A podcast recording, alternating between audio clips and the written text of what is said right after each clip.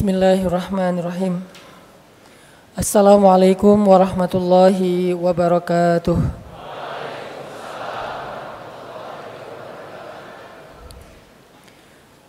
Alhamdulillahirabbil alamin. Alhamdulillahilladzi arsala rasulahu bil huda wa dinil haq liyuzhirahu 'ala ad-dini kullih wa kafa billahi shahida. أشهد أن لا إله إلا الله وحده لا شريك له له الملك وله الحمد وهو على كل شيء قدير وأشهد أن محمدا عبده ورسوله لا نبي بعده رضينا بالله ربا وبمحمد نبيا وبالإسلام دينا رب اشرح لي صدري ويسر لي أمري واهلل العقدة من لساني يفقه قولي اللهم صل وسلم وبارك على سيدنا وحبيبنا ومولانا محمد وعلى آله وصحبه أجمعين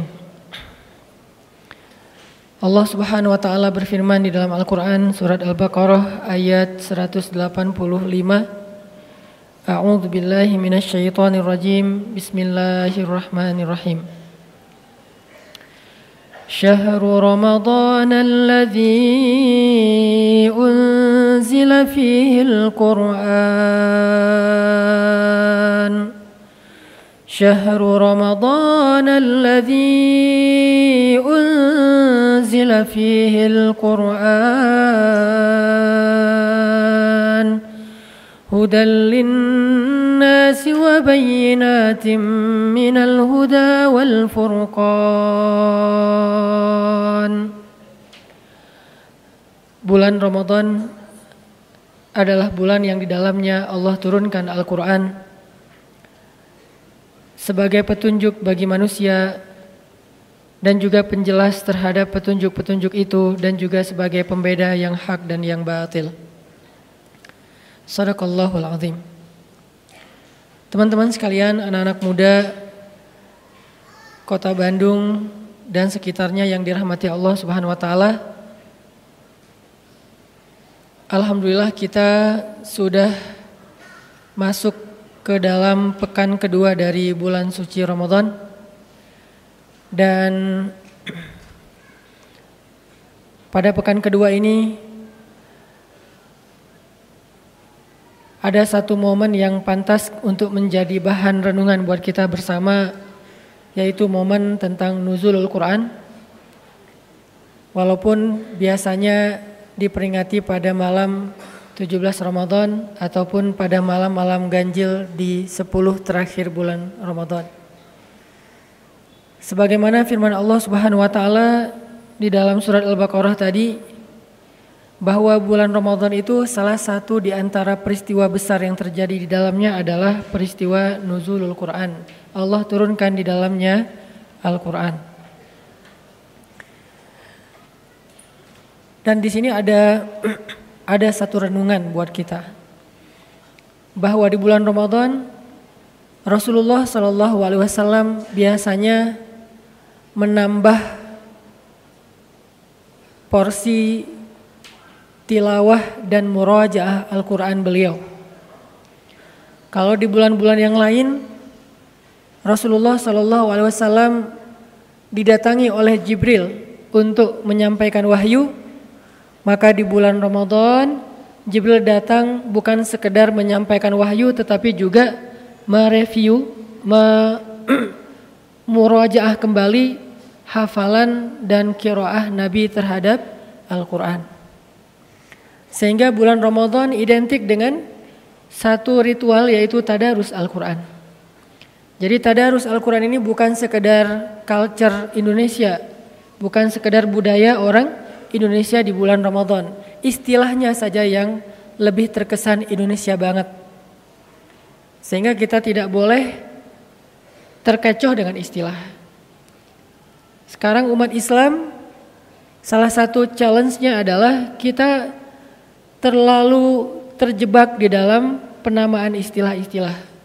Padahal sebagian besar dari istilah-istilah yang kita kenal hari ini itu bukan berasal dari zaman Nabi tetapi dari zaman para ulama. Means ulama yang memberikan nama istilah tersebut. Sehingga istilah-istilah ini kadang bisa dirubah dalam bahasa terjemah, bisa juga diganti sesuai dengan konteks pada masa atau pada tempat yang berbeda. Sama dengan istilah murojaah Al-Quran atau istilah tilawah Al-Quran, maka di Indonesia diistilahkan dengan tadarusan yang diawali dengan kata tadarus kemudian menjadi tadarusan. Jadi tadarusan bukan hanya culture, bukan hanya budaya orang Indonesia. Tadarusan itu adalah salah satu di antara kebiasaan Nabi di bulan Ramadan. Bahkan di bulan Ramadan biasanya Jibril akan turun dua kali untuk tadarusan bersama Rasulullah Shallallahu Alaihi Wasallam. Walaupun mungkin teman-teman belum pernah mendengar istilah Jibril tadarusan dengan Nabi.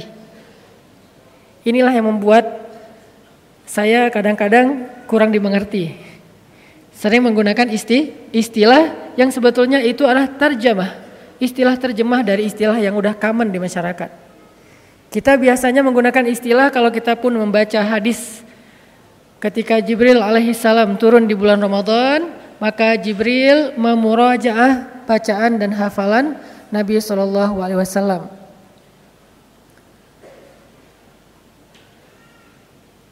Salah satu ayat Jibril memurajaah hafalan Nabi atau bacaan Nabi di dalam Al-Quran itu ada di surat Al-Qiyamah. La tuharrik bihi lisanaka lita'jala bih.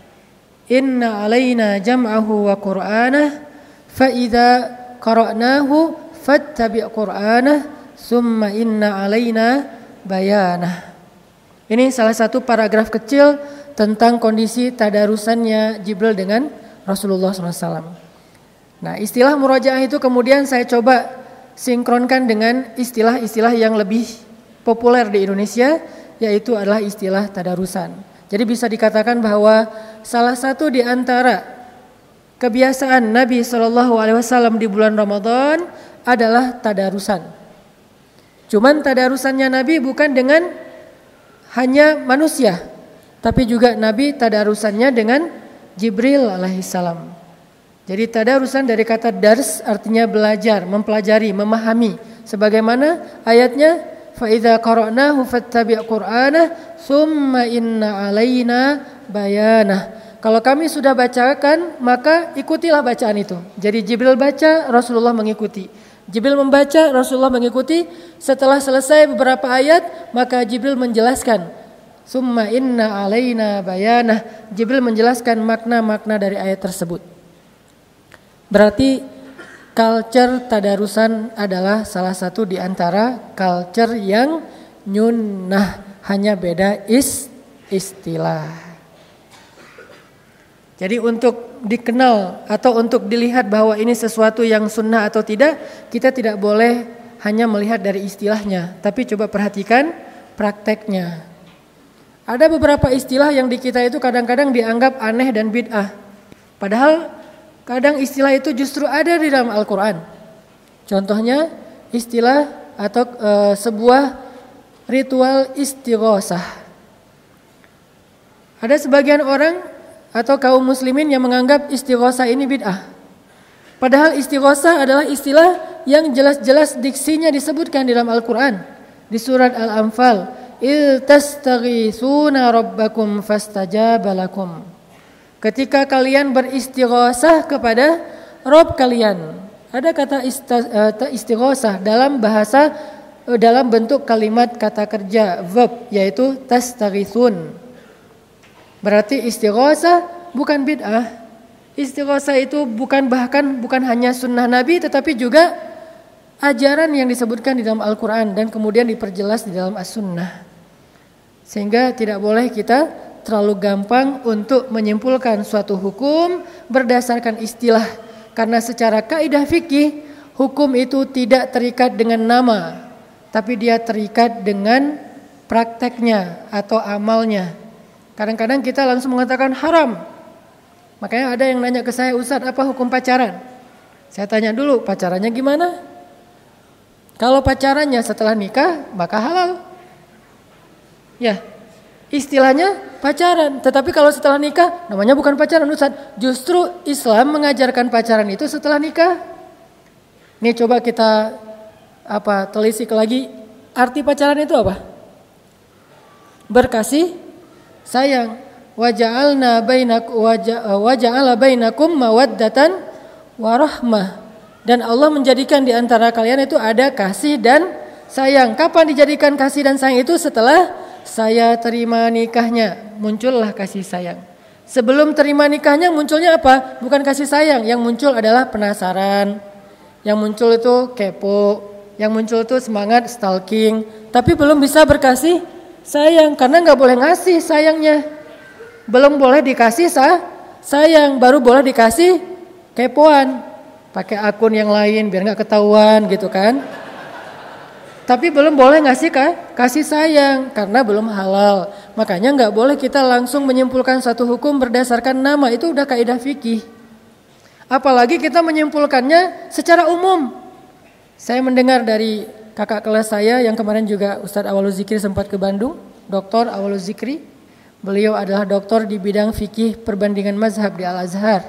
Beliau mengatakan ada satu kaidah fikih yang sering dilupakan di Indonesia dan itu diajarkan oleh ulama salah satunya Ibnu Hajar yang menulis kitab Sahih Bukhari. Kaidahnya apa? Itlaqul jawab fi amri tafsil khata. Memberikan sebuah fatwa secara umum dalam urusan yang detail itu salah. Nggak boleh. Jadi kalau ada yang nanya ke kita misalnya gini, Ustadz apa hukum menjual kulit hewan kurban? Gitu kan? Apa hukum menjual kulit hewan kurban? Kira-kira apa hukumnya? Kalau orang yang tidak memahami kaidah fikih, baru belajarnya lewat YouTube dan internet, maka dia akan langsung mengatakan menjual kulit hewan kurban haram. Jadi buat dia kalimat haram itu adalah ekspresi idealisme. Makin sering bilang haram, kesannya makin idealis. Padahal dalam Islam, haram itu cuma satu, yang halal itu empat. Wajib boleh, sunnah boleh, mubah boleh, makruh boleh walaupun ditinggalkan lebih baik. Baru yang kelima, haram. Jadi ada empat hal yang dibolehkan dalam Islam, satu hal yang diharamkan. Kenapa yang empat ini nggak dieksplor? Supaya orang tahu betapa Islam itu syumul luas sekali. Kenapa yang diambil hanya yang terakhir saja? Haram, haram, haram. Senang dengan kata haram, sehingga ketika dia udah mengatakan haram seolah-olah dia adalah orang yang paling idealis, sedangkan yang mengatakan halal itu kesannya kurang idealis. Sehingga Ibnu Hajar mengatakan itlaqul jawab fi amri tafsil khata. Gak boleh kita menjawab secara umum dalam urusan yang harusnya diperdetail dulu. Apa, gimana bentuknya. Sehingga kalau ada yang bertanya, Ustadz, apa hukum menjual kulit hewan kurban? Ustadznya harus bertanya balik, yang menjual siapa? Kalau yang menjualnya yang memotong hewan kurban, haram. Kalau yang menjualnya yang berkurban haram. Kalau yang menjualnya yang menerima hewan kurban karena dia berhak, maka halal. Berarti kan beda kan? Padahal pertanyaannya sama, tapi jawabannya jawabannya bisa berbeda karena kondisinya, prakteknya berbeda. Ada orang yang menerima daging hewan kurban udah bercampur dengan kulit di dalamnya dan dia nggak tahu gimana cara mengolah kulit itu untuk dia makan. Akhirnya dia jual ke tetangga yang bisa ngolah. Ya udah jual aja ke ibu berapa terserah ibu bayar berapa ya udah sepuluh ribu ya. Yang penting dia dapat uang walaupun murah. Tapi kan kalau emang haram walaupun seribu juga nggak boleh, serupiah juga nggak boleh. Ini bukan soal angkanya, tapi boleh tidaknya di, dijual. Sehingga ulama yang bijaksana, yang arif, dia tidak akan menjawab suatu fatwa hanya berdasarkan pertanyaan secara umum. Dia akan bertanya balik, siapa, bagaimana, kenapa, Kenapa ada itu? Disebut dengan dawabitus syariah. Dawabit. Islam itu dawabit, detail. Sehingga kadang-kadang fatwanya berbeda dengan pertanyaan yang sama ditanyakan oleh dua orang yang berbeda. Pertanyaannya sama, yang nanyanya beda, maka fatwanya berbe berbeda. Bukan hanya karena kondisinya, mungkin karena alasannya juga berbeda. Ada orang yang misalnya, Ustadz, saya pengen nikah, hukumnya apa? Nikah? Wajib. Datang yang kedua, Ustadz saya pengen nikah, hukumnya apa? Nikah sunnah. Ustadz saya pengen nikah, hukumnya apa? Nikah makruh. Datang lagi yang keempat, Ustadz saya pengen nikah, hukumnya apa? Haram. Kenapa empat orang beda hukum? Karena alasannya berbeda. Yang pertama alasannya dia kalau nggak menikah maka dia akan berzina sehingga nikah bagi dia menjadi wajib. Yang kedua uh, dikatakan sunnah karena dia sudah mampu tapi dia tidak akan berzina kalaupun tidak menikah maka bagi dia sangat dianjurkan sunnah muakkadah. Yang ketiga buat dia nikah itu cuma coba-coba. Seru nggak ya nikah? Akhirnya nikah bagi dia menjadi makruh. Yang ketiga, nikah hanya untuk mempermainkan orang lain dan dia udah berniat nanti setelah dia mencicipinya dalam tanda petik dia akan ceraikan. Maka nikah bagi dia haram. Padahal pertanyaannya sah, sama Ustadz, apa hukum meni menikah? Sama juga Ustadz, apa hukum menjomblo? Tergantung yang nanya kan ya. Kalau yang nanyanya anteng-anteng aja, ya sudah menjomblo itu mubah. Boleh-boleh saja ada yang mengatakan ya sudah menjomblo itu adalah sunnah. Lebih baik dia menjomblo daripada dia menikah karena dia kalau nikah malah ngerepotin orang. Soalnya dia belum siap, dia juga belum bijak, dia belum belajar agama, malah nanti akan merusak agama perempuan yang dia nikahi. Ada juga yang menjomblo itu wajib. Kamu harus jomblo, kamu nggak boleh nikah. Nah, ini, ini saya belum nemuin kenapa dia jadi wajib. Yang jelas hukum itu tidak tergantung dengan pertanyaan ataupun istilah tapi tergantung dengan dawabitus syariah, alasan-alasan. Karena hukum itu punya maksud, dikenal dengan maqasidus syariah. Syariat itu ada maksudnya. Ada orang yang nggak mau tahu, nggak usah tanya maksudnya. Yang penting kalau udah halal halal aja, yang haram haram aja. Nggak kayak gitu Islam. Islam ini agama orang-orang yang cerdas. Dia ada maqasid, ada dawabit. Ini jarang-jarang saya ceramah kayak gini-gini ya, sosok gaya gitu. Sebetulnya dulu sebelum ada pemuda hijrah kan ceramah saya kayak gitu. Ceramah saya itu tentang sejarah para rijal, para tokoh-tokoh Islam. Kalau teman-teman pengen dengar ceramah saya yang versi bold, coba datang ke Masjid Al-Latif di Tarbiyah. Itu tuh judulnya aja Tasawur Haraki, Persepsi Pergerakan. E, kemudian e, Ar-Rijal wan Nisa anzal Quran. Tokoh-tokoh yang turun Al-Quran karena mereka. Nah itu tuh pembahasan-pembahasan di tarbi, di tarbiyah. Tapi kalau di uh, acara nongkrong bareng UHA, namanya juga nong, nongkrong. Kalau dibahas nongkrong, judul, uh, terus judulnya haramnya apa gitu kan orang langsung, aduh sian, eh mau nongkrong tapi di, ditakut-takutin. Neraka jahanam terbagi kepada misalnya kan agak gimana gitu kan. Makanya kata Nabi kepada para dai ketika Nabi mengutus Muaz bin Jabal, apa nasihat Nabi kepada Muaz bin Jabal sebelum diutus ke Yaman? Kata Nabi, yassir wala tu'assir. Mudahkan, jangan persulit. Itu tuh bukan doa, tapi itu nasihat Nabi kepada Muaz, wahai Muaz, mudahkan urusan orang untuk masuk kepada Islam. Jangan persulit, jangan idealis.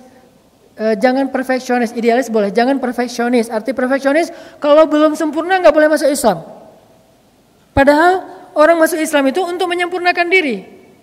Kalau dia udah sempurna, maka dia nggak perlu bertanya perlu nggak saya masuk Islam. Pasti dia udah udah paham kebenaran Islam. Jadi karena dia belum sempurnalah dia belajar pelan-pelan sehingga masuk Islam dulu supaya dia bisa belajar. Ada orang yang nanya, ya uh, Syekh, saya pengen masuk Islam tapi saya nggak bisa meninggalkan khamar, boleh nggak? Boleh. Bukan boleh khamar, boleh masuk Islam. Nanti setelah dia masuk Islam, dia diajarkan tentang masalah khamar. Kan ada tuh di zaman Umar ibnu Khattab, seorang laki-laki yang ahli jihad tapi nggak pernah bisa meninggalkan khamar. Dia mujahid tapi dia nggak bisa ninggalin khamar. Dan ini jangan dicontoh ya. Oh ternyata ada sahabat yang senang minum tapi senang jihad. Wah ini kayak cocok nih buat gua nih. Tar dulu. Kan dia lagi berproses. Yang udah di masjid jangan keluar lagi. Yang di luar masjid pelan-pelan diajak ke, da ke dalam. Yang udah di masjid jangan niru yang di luar. Wah kayaknya lebih seru di luar ya daripada di dalam. Saya nyesel terlalu cepat masuk. Mending di belakang di luar aja lama-lama. Nanti juga masuk sendiri. Jangan. Yang udah di sini kan wasabiqun as-sabiqun. As-sabiqun al-awwalun. Kan selalu ada kaidah itu kan. Siapa yang lebih dulu masuk Islam, siapa yang lebih dulu berhijrah, siapa yang lebih dulu dalam kebaikan, maka Wasabiquna fid dunya fahumus sabiquna fil akhirah itu ayatnya. Wasabiquna sabiqun dua kali kata sabiqun. Yang satu di dunia, yang satu di akhirat. Cuman Allah nggak membuat detail, itulah bahasa Al-Qur'an yang umum. Wasabiquna sabiqun. Artinya apa? Yang duluan dan duluan gitu kan? Maksudnya wasabiquna fid dunya fahumus sabiquna fil akhirah. Orang yang di dunia duluan dalam kebaikan, nanti dia di akhirat duluan ke surga. Jadi yang udah hijrah jangan nyesal. Aduh nyesal eh udah terlalu awal hijrah jadi udah nggak bisa seru-seruan. Siapa bilang setelah hijrah nggak bisa seru-seruan? Jadi balik lagi kepada yang tadi salah satu hobi dan kebiasaan Nabi Shallallahu Alaihi Wasallam di bulan Ramadan adalah tadarusan. Tadarusannya bersama Jibril alaihissalam. Sehingga di bulan Ramadan ini kita coba untuk belajar kembali tentang uh, kebiasaan Nabi dalam tadarusan.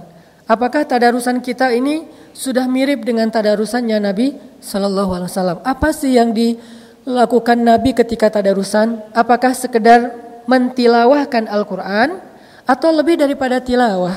Karena di dalam konteks bacaan Al-Quran itu ada banyak istilah, ada tilawah, ada kiroah, ada apa? Uh, tartil, apalagi banyak istilah-istilah yang menunjukkan makna membaca Al-Quran. Ada warattilil Qur'ana tartila. Bacalah Al-Quran. Baca juga kan? Faqra'u ma tayassara minal Qur'an. Bacalah Al-Quran. Baca juga. Ada lagi watlu ma uhya ilaika. E, bacakan apa yang diwahyukan kepadamu. Baca juga.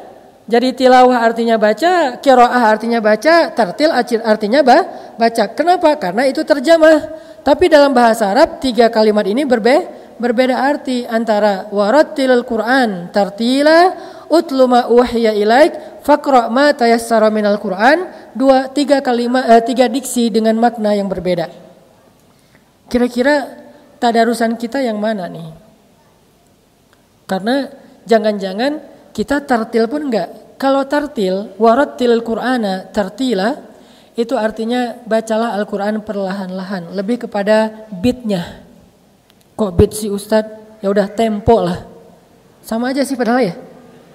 Cuma orang mungkin agak-agak gimana gitu. Saya lagi agak-agak gimana, agak-agak kagok nih mau ngomong eh bisa dibully dari ya. Jadi beatnya itu, jadi warotil Quran, tartila itu masalah beat. Seberapa cepat bacaan kita. Nah, ajaran Al-Quran kita tuh disuruh baca Quran itu perlahan-lahan. Waratil Quran tartila. Gimana dengan yang baca Qurannya? Cepat Ustaz. Ghail maghdubi alaihim waladdallin. Amin. Nah, ini gimana nih? Ini tartil nggak sih gitu kan? Menurut saya ini ini menurut saya ya. Tolong bagian ini jangan di crop ya. Menurut saya itu bacaannya terlalu pro Orang kalau udah pro mungkin jadi kayak gampang banget gitu kan. Kalau kita terlalu amatiran sih.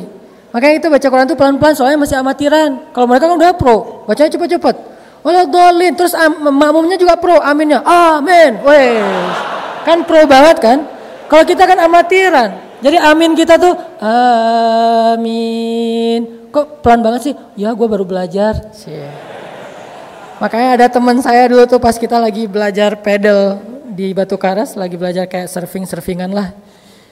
Itu tuh kita pas waktunya sholat asar kan mendarat dulu tuh. Taruh papan, kita wudhu. Eh kita lagi wudhu, ada teman kita udah selesai sholat.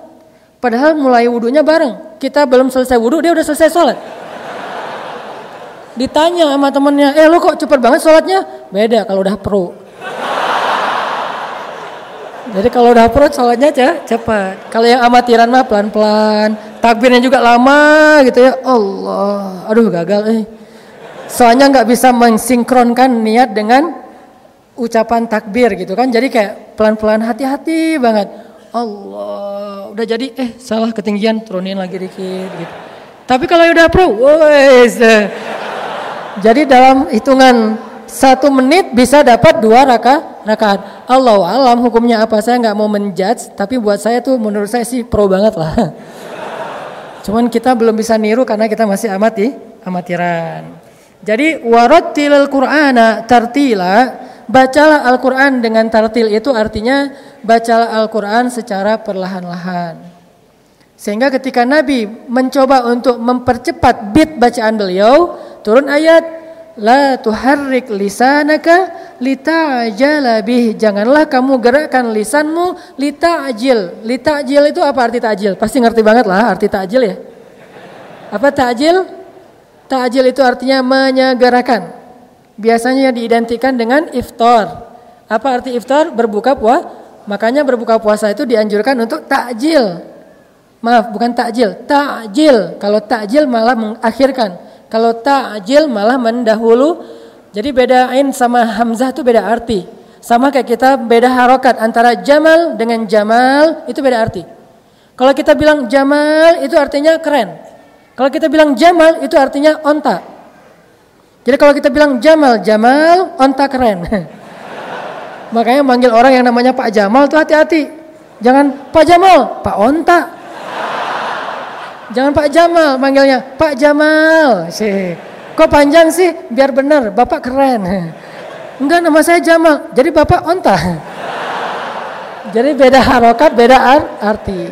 Sama dengan ta'jil dengan tak ta'jil. Ustaz kok Arab-Arab banget sih malam ini? Ya sedikit.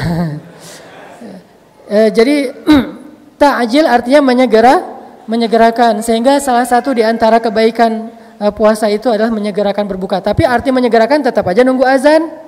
Bukan menyegerakan azan juga belum. Udah kan takjil Ustaz. Tetap aja nunggu ah, azan. Ya, la tuharrik bihi lisanak litajala bih. Janganlah kalian menggerak janganlah kamu menggerakkan lisanmu untuk mempercepat bacaan. Jadi bacanya pelan-pelan. بسم الله الرحمن الرحيم الحمد لله رب العالمين الرحمن الرحيم مالك يوم الدين lebih cepat lagi. إياك نعبد وإياك نستعين اهدنا الصراط المستقيم صراط الذين أنعمت عليهم غير المغضوب عليهم ولا الضالين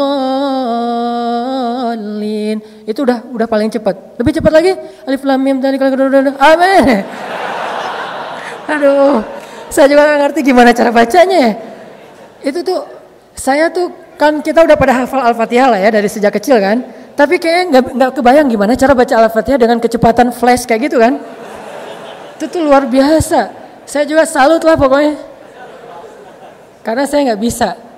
Nah, ada seorang sahabat namanya Abdullah ibnu Mas'ud. Tapi harus paham orangnya ya, karena kalau beda orangnya tadi beda hu, hukum. Kebenaran ini Abdullah ibnu Mas'ud. Siapa dia? Dia adalah sahabat yang dititipkan oleh Nabi Al-Quran dititipkan oleh Nabi Al-Quran. Dia salah satu periwayat Al-Quran, Abdullah bin Mas'ud. Yang bisa menghafal Quran satu juz sekali dengar. Jadi Nabi baca Al-Quran satu juz, dia dengerin aja. Beres Nabi baca, ya Rasulullah saya udah hafal. Itu Abdullah bin Mas'ud. Lalu Nabi mengatakan, coba baca Abdullah. Dibaca oleh Abdullah dengan hafalan, nggak ada satu huruf pun yang salah satu juz itu. Inilah Abdullah bin Mas'ud kecerdasannya di atas rata-rata. Kan saya pernah cerita surat Al-Quran yang paling panjang turun sekaligus surat apa? Al-Quran surat yang paling panjang yang turun sekaligus surat apa? Kalau Al-Baqarah panjang tapi dia turunnya di cicil. Surat yang paling panjang turunnya sekaligus di Al-Quran surat Al-An'am. Satu juz lebih satu lembar. Sebelas lembar lebih. Sebelas lembar setengah lebih tepatnya. Nah, satu juz lebih sebelas uh, lebih satu lembar artinya sebelas lembar itu turun dari Jibril kepada Rasul dibaca oleh Jibril sekali Nabi langsung hafal. Keren ya? Jadi kalau ada yang mengatakan bahwa Nabi itu nggak pintar, ini salah satu bukti kepintaran Rasulullah Sallallahu Alaihi Wasallam. Terus kalau pintar kok nggak bisa baca tulis? Karena jumhur ulama sejarah bersepakat bahwa Nabi nggak bisa baca tulis. Jadi ummi di situ benar-benar nggak bisa baca tulis. Apa buktinya Nabi nggak bisa baca tulis? Ketika terjadi perjanjian Hudaibiyah, Poin-poin dari perjanjian itu banyak yang ternyata agak menurut para sahabat harus diganti. Nabi nanya kepada para sahabat. Yang menurut orang Quraisy harus digantikan. Poinnya pertama kalimat Bismillahirrahmanirrahim. Ini adalah perjanjian antara Muhammadun Rasulullah dengan Suhel dari perwakilan Quraisy. Kata Suhel, Muhammad, Kalau kami percaya Allah itu Ar-Rahman dan Ar-Rahim, ngapain kita capek-capek bikin perjanjian? Ya udah aja kita bareng. Terus maunya kamu gimana? Hapus, nggak boleh pakai Ar-Rahman Ar-Rahim, cukup Bismillah aja. Kok cuma Bismillah? Karena orang Arab Quraisy juga meyakini Allah sebagai Tuhan, tapi nggak punya sifat.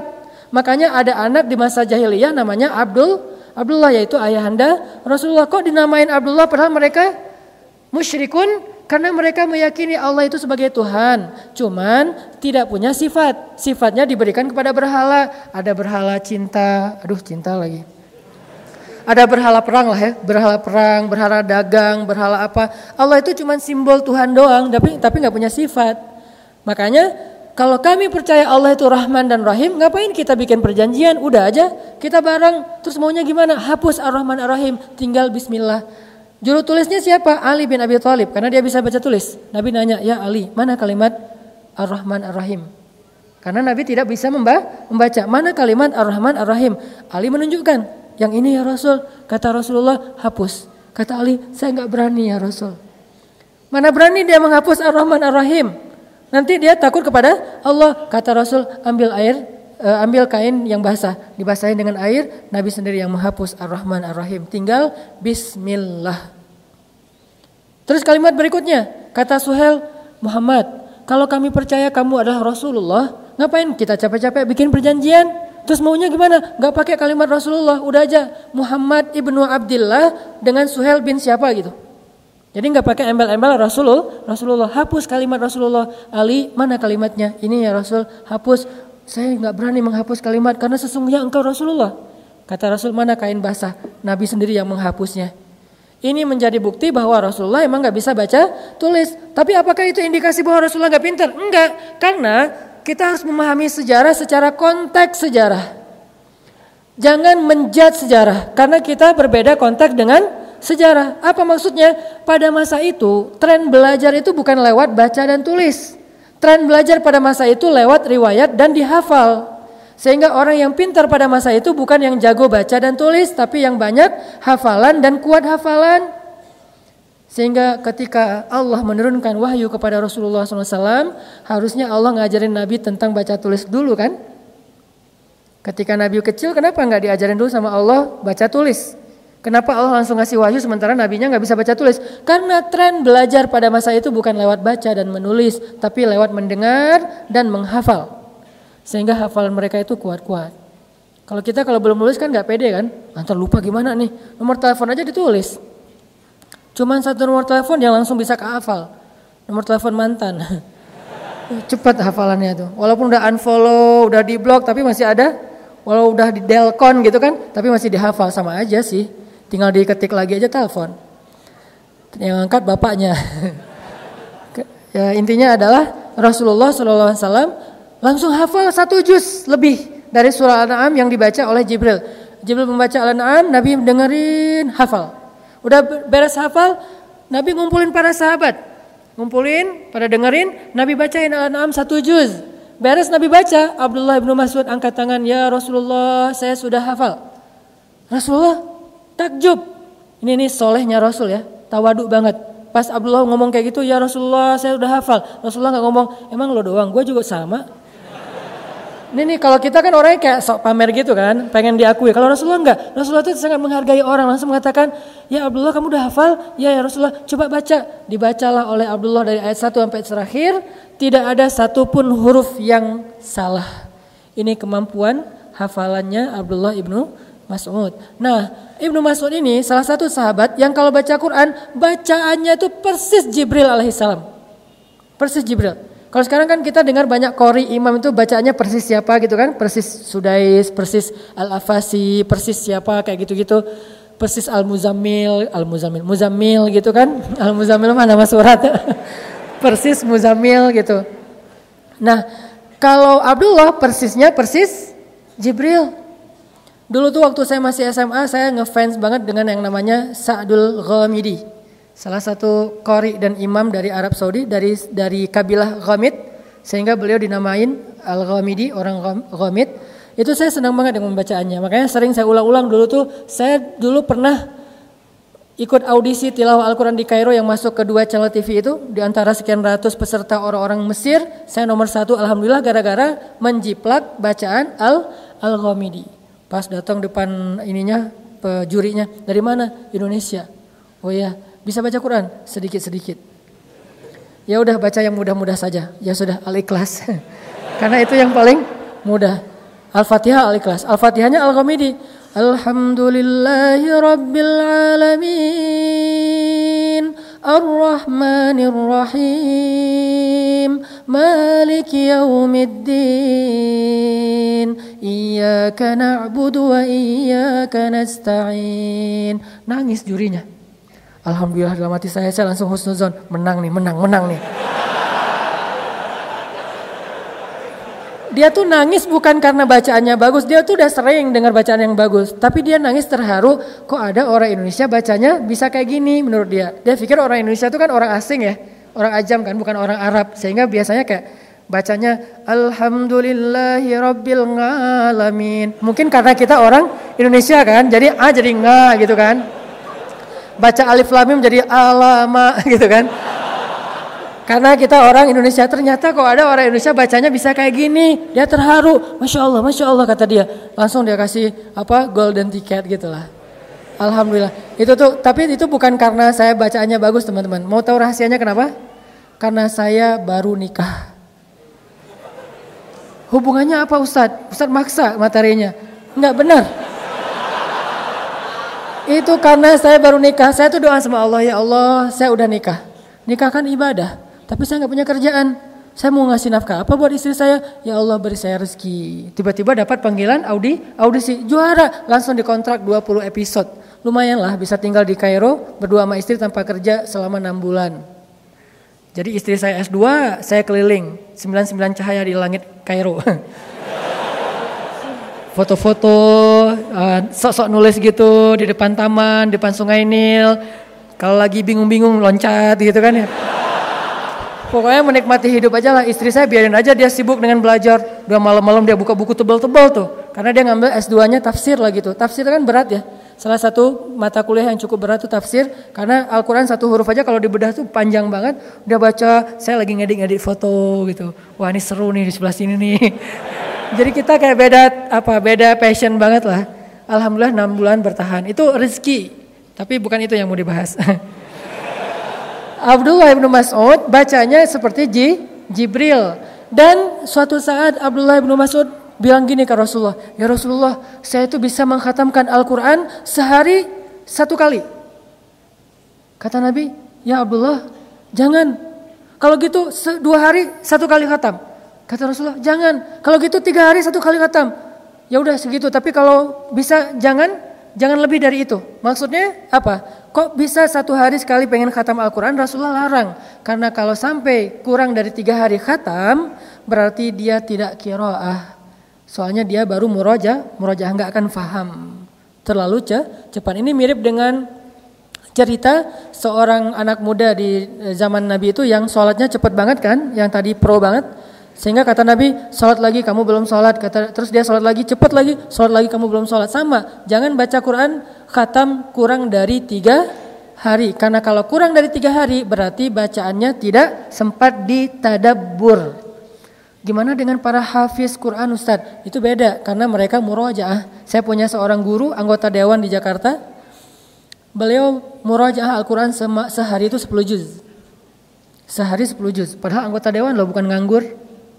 Yang kesibukannya luar biasa tapi bisa murojaah Al-Quran sehari 10 juz. Jadi tiga hari beliau khatam, tiga hari khatam. Kalau kita tiga hari nggak khatam-khatam gitu ya, satu juz juga ya. Kalau kalau beliau 30 juz, tiga hari khatam. Itu khusus buat para hufaz. Nah, balik lagi kepada hobi Nabi tadarusan. Jadi walaupun Nabi di bulan Ramadan semangat membaca Al-Quran, bukan mengejar hanya jumlah ayat dan juz.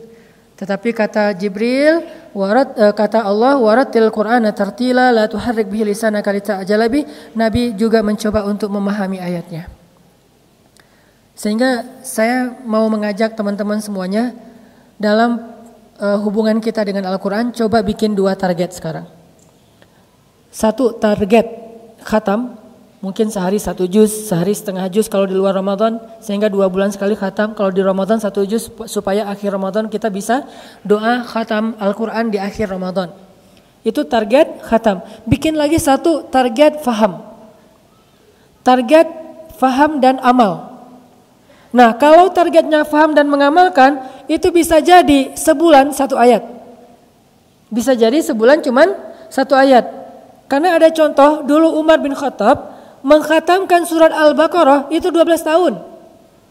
Mengkhatamkan surat Al-Baqarah 12 tahun. Khatam yang kayak gimana maksudnya Ustaz? Kalau tilawah pasti cepat banget. Umar kan semangat baca Al-Quran. Kenapa bisa 12 tahun? Bukan tilawah, tapi kiroah. Bedanya kalau tilawah hanya membaca hurufnya dan tetap berpahala pastinya karena satu huruf 10 kebaikan. Tapi kalau kiroah dia mencoba untuk memahami, mentadaburi, mengamalkan. Mulai dari mentadaburi sampai mengamal, mengamalkan sehingga setelah 12 tahun maka tidak ada lagi satu pun ayat di dalam surat Al-Baqarah yang belum diamalkan oleh Umar bin Khattab. Jadi untuk mengamalkan Al-Baqarah butuh waktu 12 tahun. Sehingga kalau kita baca di surat Al-Baqarah ayat mana aja itu pasti sudah pernah diamalin sama Umar bin Khattab. Sekarang kita Selain udah khatam Al-Quran beberapa kali, kira-kira udah sampai di mana kiroah Al-Quran kita? Kalau tilawah kita mungkin udah berulang kali ya, udah tawaf berkali-kali nih tilawah, tapi kiroah kita udah sampai di mana? Dimulai dari Al-Fatihah, kemudian Al-Baqarah, atau mungkin nggak berurutan, tapi tematik sesuai dengan masalah. Kalau lagi misalnya masalah pekerjaan nanti ada ayat-ayat tentang pekerjaan di surat Al-Jumu'ah ada, masalah jam kerja ada di surat Al-Baqarah juga masalah riba, transaksi, akad, utang, piutang, apalagi saksi segala macam. Nah, udah berapa ayat yang kita tadabur dan amalkan dari Al-Quran? Inilah yang akan menentukan kita itu ahlul Quran atau bukan. Kalau tilawah Al-Quran saja, maka kita berada di ring tiga dari antara oh, dalam hubungan kita dengan Al-Quran. Termasuk orang ring tiga dengan Al-Quran, bukan ring satu. Kalau cuman tilawah. Kalau sudah menghafal, memahami, udah ring dua. Kalau udah mengamalkan, itu orang yang ring satunya Al-Quran. Akrab banget sama Al-Quran. Dan itu disebut dengan Ahlul Quran. Dan Ahlul Quran disebut juga dengan Ahlullahi wa khassatuh. Keluarga Allah dan orang-orang yang istimewa di sisi Allah. Orang ring satu inilah yang nanti di padang mahsyar ketika bangkit dijemput sama geng malaikat. Namanya geng malaikat Safaroh. Jadi ada grup malaikat, nama grupnya itu Safaroh.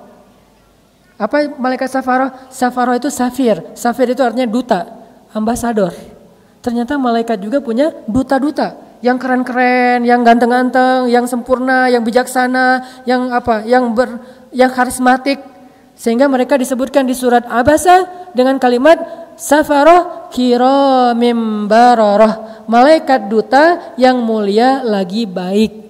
Siapa mereka? Mereka adalah ahlul Quran dari golongan malaikat. Cahayanya luar biasa. Dan ahlul Quran di golongan manusia adalah orang yang mengamalkan Al-Quran semakin banyak amalannya semakin dekat dia dengan Al-Quran. Ada orang yang tidak hafal 30 juz.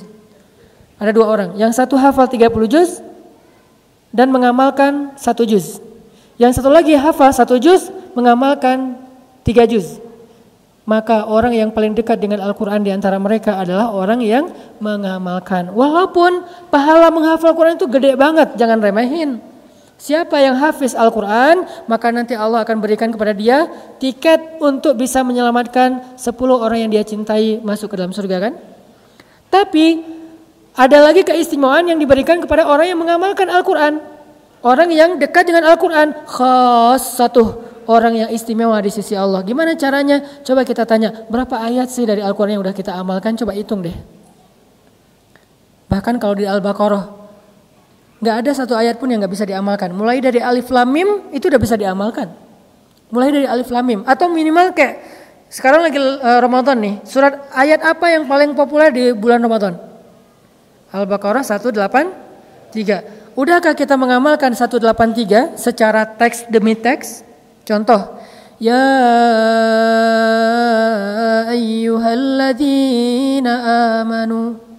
Kira-kira apa amalan dari kalimat ini? Ini belum satu ayat ya, baru satu penggalan ayat. Ya ayyuhalladzina amanu. Amalnya apa? Wahai orang-orang yang beriman. Terus? Nah, jarang kan dibahas? Ternyata ada satu sunnah Nabi tentang bagaimana cara kita mengamalkan Al-Quran ketika kita ber, ber, membaca Al-Quran. Salah satu yang paling ringan nih saya ajarin yang ringan-ringan aja dulu. Ya ayuhalladzina amanu itu namanya panggilan, nida. Kalau Allah lagi manggil kita, maka ada sunnah dari Nabi untuk kita tajawub. Tajawub itu dari kata jawab. Jawab itu jadi dari bahasa Indonesia jawab. Bahasa Arabnya jawab. Bahasa Indonesia jawab. Sehingga yang menjawab atau selalu menjawab panggilan namanya tajaw tajawub. Itu sunnah Nabi. Sehingga Aisyah radhiyallahu anha mengatakan, Nabi itu kalau lagi sholat tahajud sendiri, beliau membaca Al-Quran. Ketika beliau mengawali bacaan, beliau mengawalinya dengan ta'awuz. Karena kalau kamu baca Quran maka fastaiz billah. Lalu beliau melanjutkan dengan basmalah. Lalu ketika beliau membaca ayat-ayat kebesaran Allah, maka Nabi memuji Allah. Ketika membaca ayat-ayat surga, Nabi berdoa. Ketika membaca ayat-ayat neraka, Nabi bertawuz. Ketika membaca tentang panggilan, Nabi bertajawub. Ini menunjukkan bahwa tajawub salah satu sunnah Nabi dan tutorial cara mengamalkan Al-Quran paling sederhana. Tajawubnya gimana Ustadz? Kalau Allah panggil kita, Ya ayyuhalladzi. Kalau ada panggilan Ya ayyuha di Al-Quran itu namanya nida, panggilan. Tapi nggak semuanya bisa tajawub. Kalau dipanggilnya ya ayyuhalladzina amanu maka kita mengatakan labbaika ya rabbi. Kita mengatakan labbaika ya rabbi. Wahai orang-orang yang beriman, aku penuhi panggilanmu ya Allah. Ada apa ya Allah? Kalau mau lebih akrab lagi, bilangnya gini, labbaika ya rabbi wa sa'daik. Itu lebih akrab lagi tuh. Kalau nggak hafal, apa sih tadi Ustaz? Udah labbaika ya labbaika ya rabbi aja. Jangan kebalik, labbaik Allahumma labbaik. Ini mah kayak terlalu menghayati umroh dan haji kan. Ini mirip sih tapi beda. Jadi kalau Allah panggil ya ayyuhalladzina amanu labbaika ya rabbi wa sa'daik.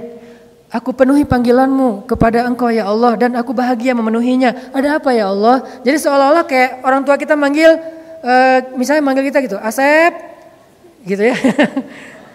ya ma gitu kan ya. Nah itu berarti dia tak jauh, tak jauh. Kalau dipanggil berkali-kali nggak jawab, nggak sopan. Berarti mengamalkan ayat panggilan, kita katakan labbaik ya Robbi. Itu tuh Allah sayang banget kalau kita kayak gitu. La'allakum turhamun. Allah sayang sama hamba yang tajawub. Dan Allah juga tajawub sama kita. Contoh pas kita lagi sholat nih. Kita baca Al-Fatihah kan? Alhamdulillahi Rabbil Alamin. Allah tajawub. Kata Allah, malaikat hambaku memuji aku. Ar-Rahmanir Rahim. Hambaku menyanjungku.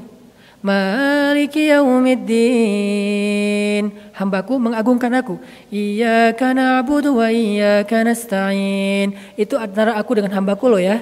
Jadi Allah tuh kayak chat gitu kan sama kita kan? Nah, gimana cara kita chat dengan Allah ketika Allah berfirman, "Ya ayyuhalladzina amanu." Nanti kalau dalam sholat dengerin imam baca itu, maka ucapkan dengan pelan. Tapi jangan labbaik, jangan. Itu ngasih kode. Maksudnya, imam buruan atuh. Jadi labbaik kayak Robbi dalam hati kita atau dalam lisan, labbaik kayak Robbi. Itu tuh pasti khusyuk sholatnya. Makanya kalau kita tahu beberapa trik kecil terhadap imam, imam baca ya jangan buru-buru jawabnya, takutnya ya ayyuhal kafirun. Masa baik? Aku penuhi ya Allah, emang kita kafir? Nah, dengerin dulu yang jelas. Kalau ya ayyuhal ladina amanu oke. Okay. Kalau munafikun jangan. Kalau kafirun jangan. Tapi kalau ya ayuhan nas masih mending lah ya. Wahai manusia atau ya ibadi Walaupun ada pembukaannya sih. Kul ya ibadiyalladzina asrafu ala anfusihim. Kita langsung labbaika ya Rabbi. Kita merasa sebagai pendosa. Dan Allah lagi manggil kita nih. Kul ya ibadi alladzina asrafu ala anfusihim. Labbaika ya Rabbi wa sa'daik. Allah panggil saya karena saya pendosa, Allah panggil saya, Allah pengen ngampunin dosa saya, saya penuhi ya Allah, saya penuhi panggilan engkau. Kan gitu kan? Jadi kita tuh sibuk di dalam sholat, gak mikir yang lain-lain, gak sempat ngahulang, karena kita lagi chat. Tapi coba kalau misalnya kita dengerin aja sambil berdirinya sebelah kaki gitu kan. Sesekali gerak ke sini, sekali gini. Udah kayak orang bumerang gitu. gitu. Lama-lama jadi bumerang ya. Kalau kayak gitu nggak bakalan khusyuk. Biar khusyuk kita uh, kayak apa namanya? Ya aktif gitu. Jadi respon. Allah ngomong apa kita respon. Allah ngomong apa kita respon. Emang kayak gitu sunnah Nabi. Sehingga kalau ya ayyuhalladzina labbaik ya rabbi. Nah, biasanya setelah nida, setelah panggilan itu suka ada perintah. Atau suka ada lara, larangan antara perintah atau larangan. Nah, jawabannya apa? Sami'na wa ata'na. Ngomong gitu aja dulu walaupun kita belum ngamalin. Karena itu akan mensugesti kita buat ngamalin. Misalnya Allah bilang, "Qul ya ibadiyalladzina asrafu ala anfusihim labbaika ya rabbi wa sa'daik." La taqnatu min rahmatillah. Sami'na wa ata'na. Gitu. Walaupun gak harus gitu-gitu sih. Maksudnya dalam hati gitu ya. Jadi kita kayak aktif banget gitu sama Allah lagi chat. Jadi nggak ada yang bisa ganggu. Ya siap Allah, siap Allah. Atau ah siap. Itu mah di luar sholat lah ya, jangan di dalam sholat. Ini menunjukkan kalau kita itu orangnya kayak seru gitu. Kan kalau kita chat sama teman tektokan gitu, kalau seru kan kita juga jadi kayak semangat kan. Allah jangan dicuekin. Allah ngomong panjang lebar kita diem aja. Pas sudah beres salat, eh tadi imam baca surat apa ya? Nggak ngerti lah gitu. Ada yang lebih parah, saya pernah ngimamin di sebuah masjid di daerah pelosok ya. Di sebuah pelosok, nggak tahu nggak nggak usah disebut di mana. Salat taraweh bacanya di jus-jus yang di tengah bukan al-hakumut takatsur atau al-asar. Saya bacanya kaf ya insod, surat favorit saya, surat Maryam. Besoknya muncul gosip. Besok-besok jangan sholat bareng orang itu lagi. Kenapa? Qurannya meni beda. Ternyata kalau bukan atakasur dikira bukan Quran. Jadi menurut mereka yang saya baca itu bukan Quran saking mungkin awam ya, nggak ngerti. Nah, jadi kayak misalnya kalau kita dengan Allah itu akrab, dengan Allah itu chatnya tuh uh, aktif, nanti begitu kita panggil Allah, ya Rabbi, Abdi, hal min zihajah, Abdi hal minta ib hambaku kenapa ada apa? Kamu butuh masalah ada masalah? Kamu pengen taubat? Gitu Allah ke kita gara-gara kita sering ya ayyuhalladzina amanu labbaika ya rabbi. Kita panggil ya rabbi abdi kata Allah. Karena kita udah sering tektokan nama Allah. Itu cara paling sederhana ngamalin Al-Quran Kutiba alaikumus siyam Sami'na wa ta'na Ya ayyuhalladzina amanu La ta'kulur riba Sami'na wa ta'na Ya ayyuhalladzina amanu Apa pun kalimat setelah panggilan biasanya antara perintah dengan larangan tinggal kita bilang sami'na wa ta'na. Muncul ayat lagi yang kita kayak nebak-nebak. Makanya kalau nanti dengerin bacaan imam, coba perhatikan diksinya. Ada yang ke detect nggak sama kita? Misalnya ke detectnya jahanam. Kan semua ngerti kan? Gak ada yang gak ngerti kan jahanam? Kalau ada kalimat um, fat, uh, bukan apa uh, jahanam lah pokoknya. Atau kalau yang lebih seringnya bukan jahanam, nar, nar kan? Naruka jadi bahasa Indonesia, nar, neraka, maksa. jadi na, nar artinya nera, neraka.